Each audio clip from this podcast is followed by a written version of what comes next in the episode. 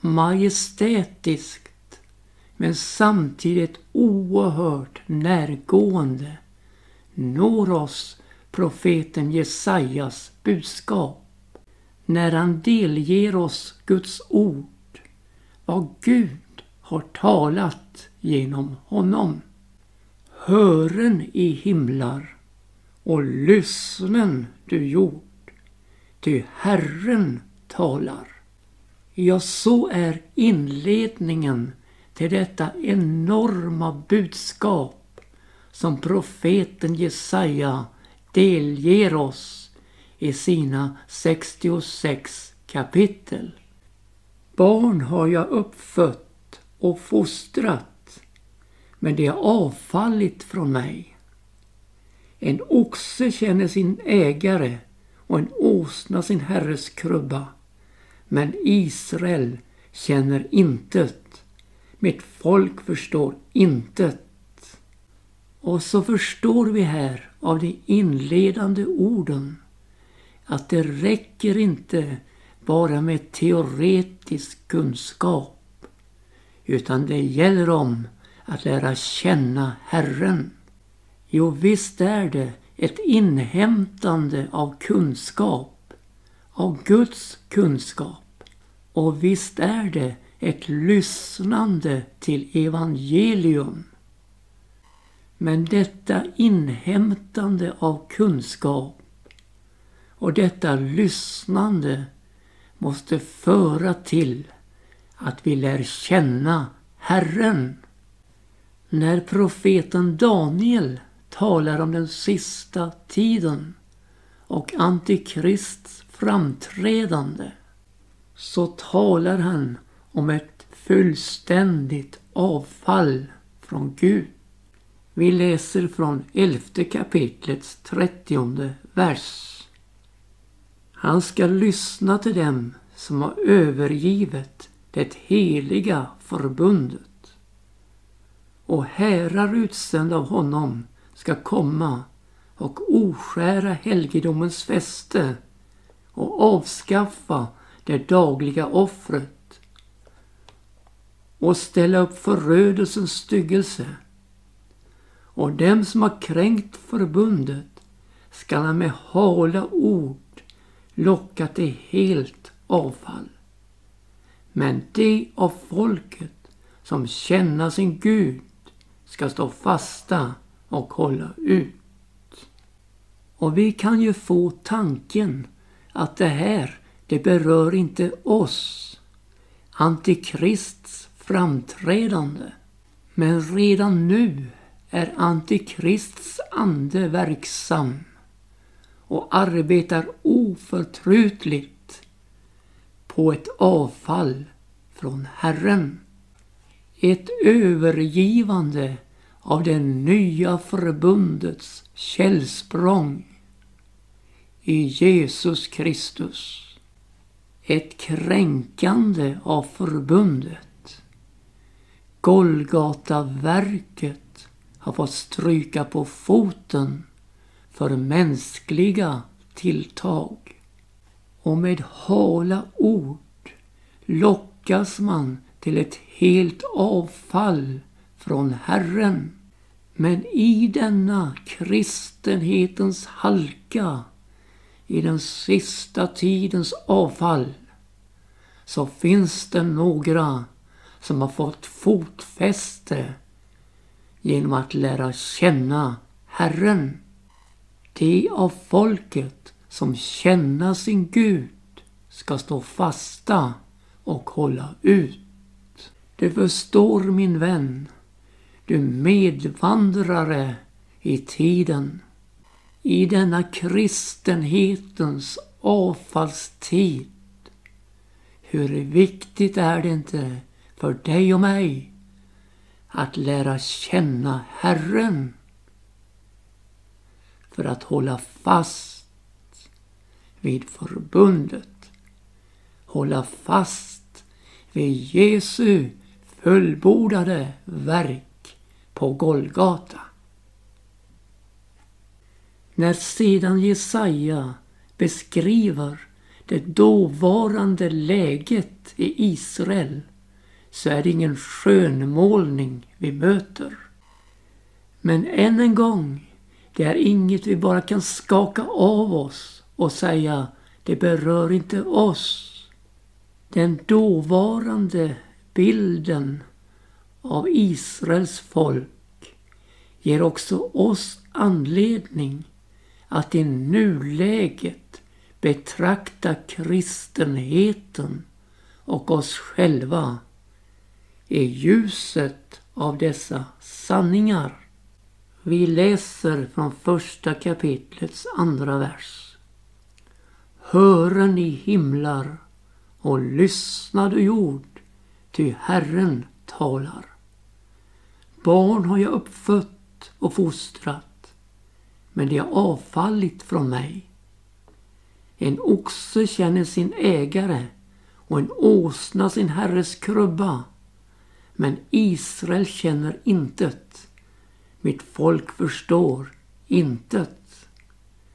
Ve dig, du syndiga släkte, du skuldbelastade folk, du ogärningsmäns avföda, i vanartiga barn som har övergivit Herren och föraktat Israels helige och vikit bort från honom. Var skall man mer slå er då i så fortgår ni avfällighet? Hela huvudet är ju krankt och hela hjärtat är sjukt. Ifrån fotbladen ända upp till huvudet finns intet helt. Blott sårmärken och blånader och friska sår. Icke utkramade eller förbundna eller lenade med olja. Är det land där en ödemark, edra städer är uppbrända i eld, edra åkrar bliva er åsyn förtärda av främlingar. En ödeläggelse är det som när främlingar har omstörtat allt. Alenas dottern Sion står kvar där, så som en hydda i en vingård, som ett vaktskjul på ett gurkfält, så som en inspärrad stad. Om Herren Sebaot icke hade lämnat en liten återstod kvar åt oss, då vore vi så som Sodom, vi vore Gomorra lika. Ja, bilden som här tecknas är ju oerhört skarp. Påträngande och klargörande över läget bland folket. Och så fortsätter Herrens ord till folket där han talar om sin trötthet över deras gudsdyrkan. Vi läser vidare. Hören Herrens ord i Sodoms förstar. Lyssna till vår Guds lag, du Gomorra folk. Vad skall jag med edra många slaktoffer, säger Herren. Jag är mätt på brännoffer av vädurar och på gödkalvars fett och till blod av tjurar och lamm och bockar har jag intet behag. När de kommen för att träda fram inför mitt ansikte, vem begär då av er det att mina förgårdar trampas ned? Bär nej vidare fram fåfängliga spisoffer. Ångan av dem är en styggelse för mig nymålade och sabbater och utlysta fester, ondska i förening med högtidsförsamlingar. Sådant kan jag icke lida. Edra nymånader och högtider hatar min själ. Det har blivit mig en börda, jag orkar ej bära den. Hur igen uträcken edra händer så gömmer jag mina ögon för er och om i en mycken bedjan så hör jag icke därpå. Edra händer är ju fulla blod. Tvån eder då och rena eder. Skaffen ett onda väsende bort ifrån mina ögon. Hören upp att göra vad ont är. Lären att göra vad gott är. Faren efter det rätt är. Visen förtryckaren på bättre vägar. Skaffa den faderlöse rätt. Utför änkans sak. Ja, här fick vi sätta punkt och avsluta betraktelsen. Om det bara rörde sig om vad vi människor kan. Vad vi presterar i en fåfäng, avfällig gudsdyrkan.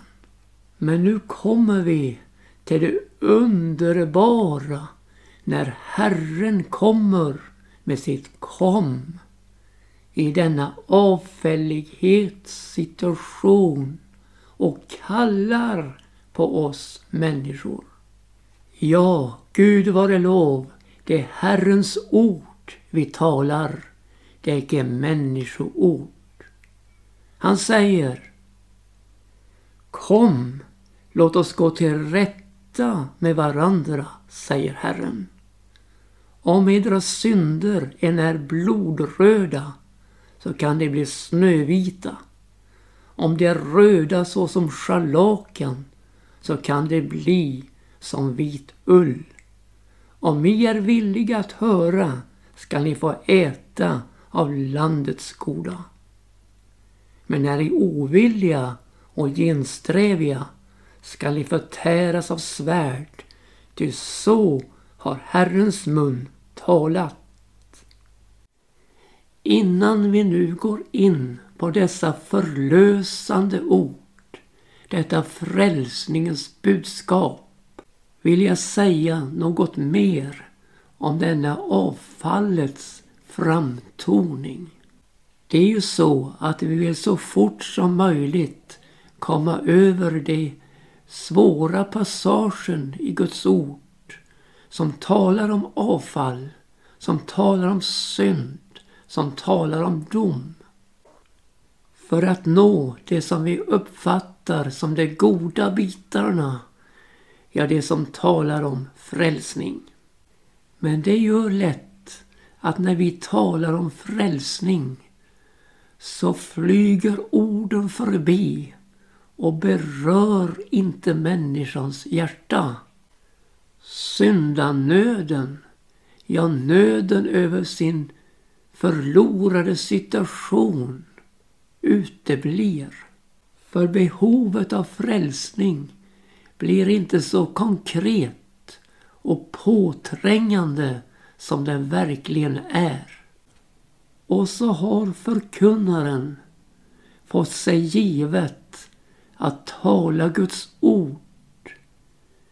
Andens svärd, det tveeggade svärdet som tränger igenom med sin skarphet och åtskiljande verkan mellan ande och själ, märg och ben för att nå hjärtat och bli en domare över dess uppsåt och tankar. Denna tveegg som först når förkunnaren själv innan den når dem som lyssnar. Detta är så tydligt hos profeten Jesaja när han möts av Guds kallelse i det sjätte kapitlet. Då utbrister han Ve mig, jag förgås, ty jag har orena läppar och jag bor ibland ett folk som har orena läppar. Och mina ögon har sett konungen, Herren Sebaot.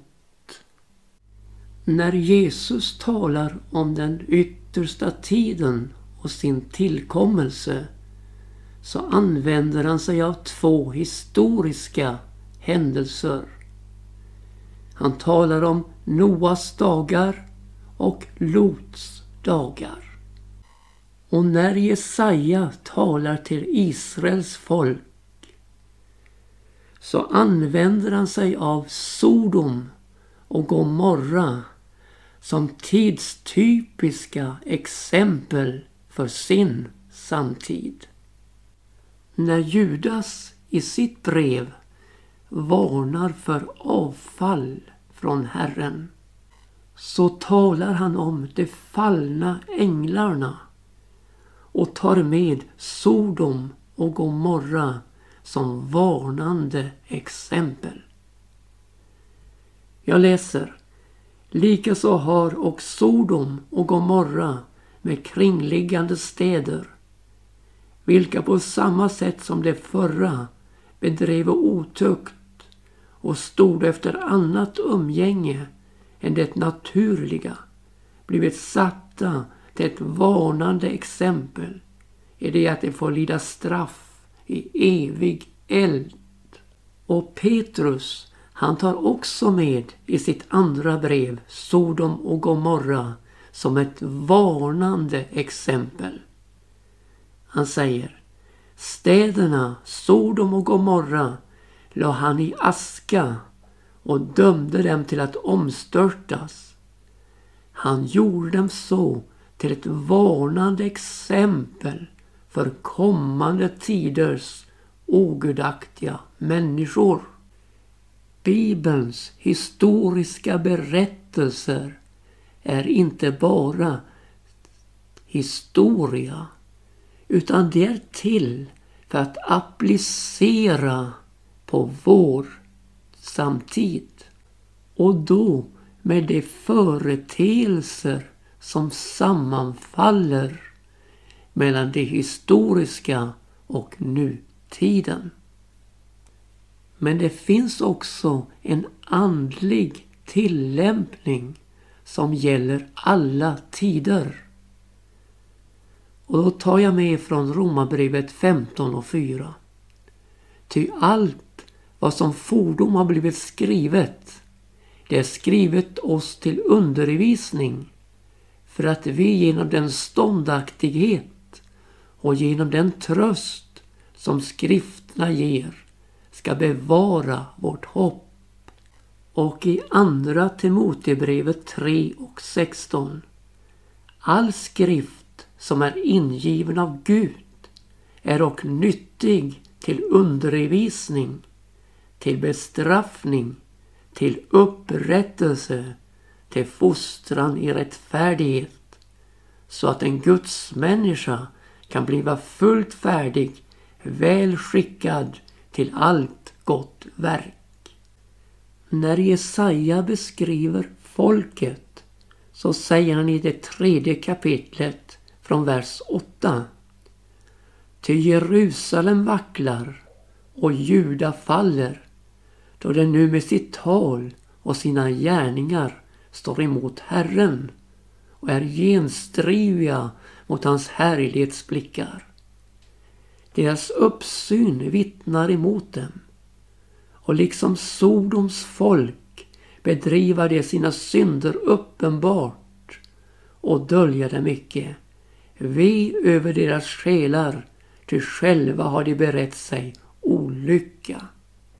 När synden bryter fram i all offentlighet och skammen äras då är synden mycket svår och domen är nära. När synden som varit dold i generationer kommer upp till ytan och prisas och äras då är synden mycket svår och ropen från förtvivlade människor utnyttjade, förförda och nedtrampade når upp till Gud. Och Gud vidtar åtgärder. Domen är nära över förförarna och dess hantlangare.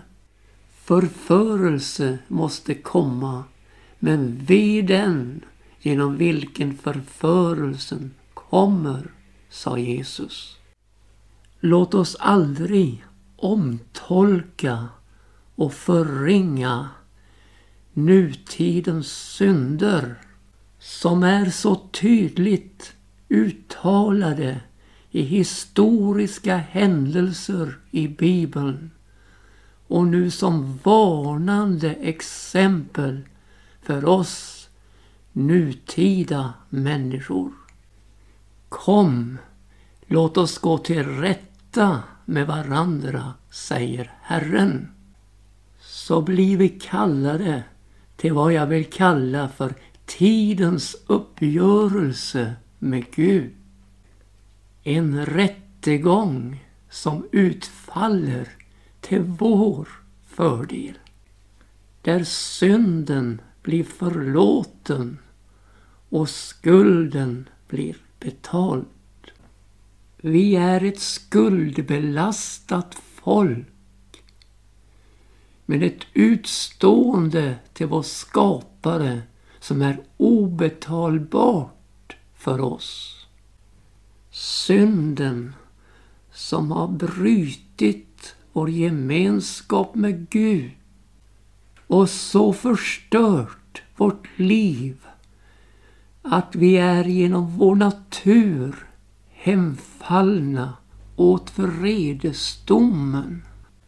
Ja, vårt hjärta varifrån livet utgår har så förstörts och våra blodbanor är infekterade av syndens ondska. Kort sagt, livet är förstört av synden och dess konsekvenser. Och vår själ är förlorad.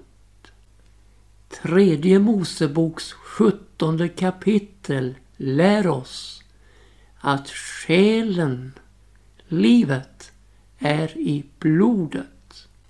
Jag läser elfte versen. Ty allt kötts själ är i blodet och jag har givit eder det till altaret till att bringa försoning för edra själar. Ty blodet är det som bringar försoning genom själen som är däri. Och när vi nu möter Jesaja talar om blodröda och scharlakansröda synder så kan vi förstå att synden har fått greppet om vårt liv och vår vandring här i tiden blev en vandring i synder och överträdelser. Du vet hur det är i vår kropp. Blodet förmedlar liv ut till varje del av kroppen. Och blodet uppsamlar avfallsprodukter och för dem ut ur vår kropp. Och då kan vi förstå att om blodet är infekterat av synden, ja då är vi illa ute. För då är det bara en fråga om tid innan synden utbetalar sin lön. Syndens lön är döden. Det är alltså inte så konstigt att Gud ransakar hjärtan och njurar. Och det är heller inte så konstigt att Hebreerbrevet uppmanar oss att stå emot ända till blods i vår kamp emot synden. Och så kommer vi till de förlösande orden i detta rättsuppgör med Gud. Om än edra synder är blodröda så kunna de bliva snövita. Och om de än är röda som scharlakan så kan de bliva som vit ull. Och här vet du, här ligger hela hemligheten. Vi behöver inte fortsätta i synden. Utan vi kan bliva, och då snövita. Vad kan vi bliva? Jo, vita som ull. Och villkoret det är det här. Om ni är villiga att lyssna skall ni få äta av landets goda. Men är ni ovilliga och gensträviga så ska ni förtäras av svärd. Ty så har Herrens mun talat. Vad händer? Vad kan ske? Jo, det finns en med rent hjärta och oförstörda blodbanor med en syndfri vandring här i tiden. Hans namn är Jesus. Han gav sitt liv för oss syndare då han dog på Golgata kors och sen uppstod på tredje dagen och står där och erbjuder oss vad vi kan bliva. Snövita. Vita som ren ull. Hans liv blev ett skuldoffer för oss. Straffet blev lagt på honom för att vi skulle få frid. Och genom hans sår blir vi helade. Tänk i denna uppgörelse med Gud så tar domaren själv på sig vårt straff och dör för oss. Och vi går fria genom honom. Vår synd kostade Jesus allt. Det kostade honom livet. Men hans rättfärdighet gav oss nåd och frälsning. Där vi får uppleva hur Jesu Kristi, Guds sons blod, renar från all synd.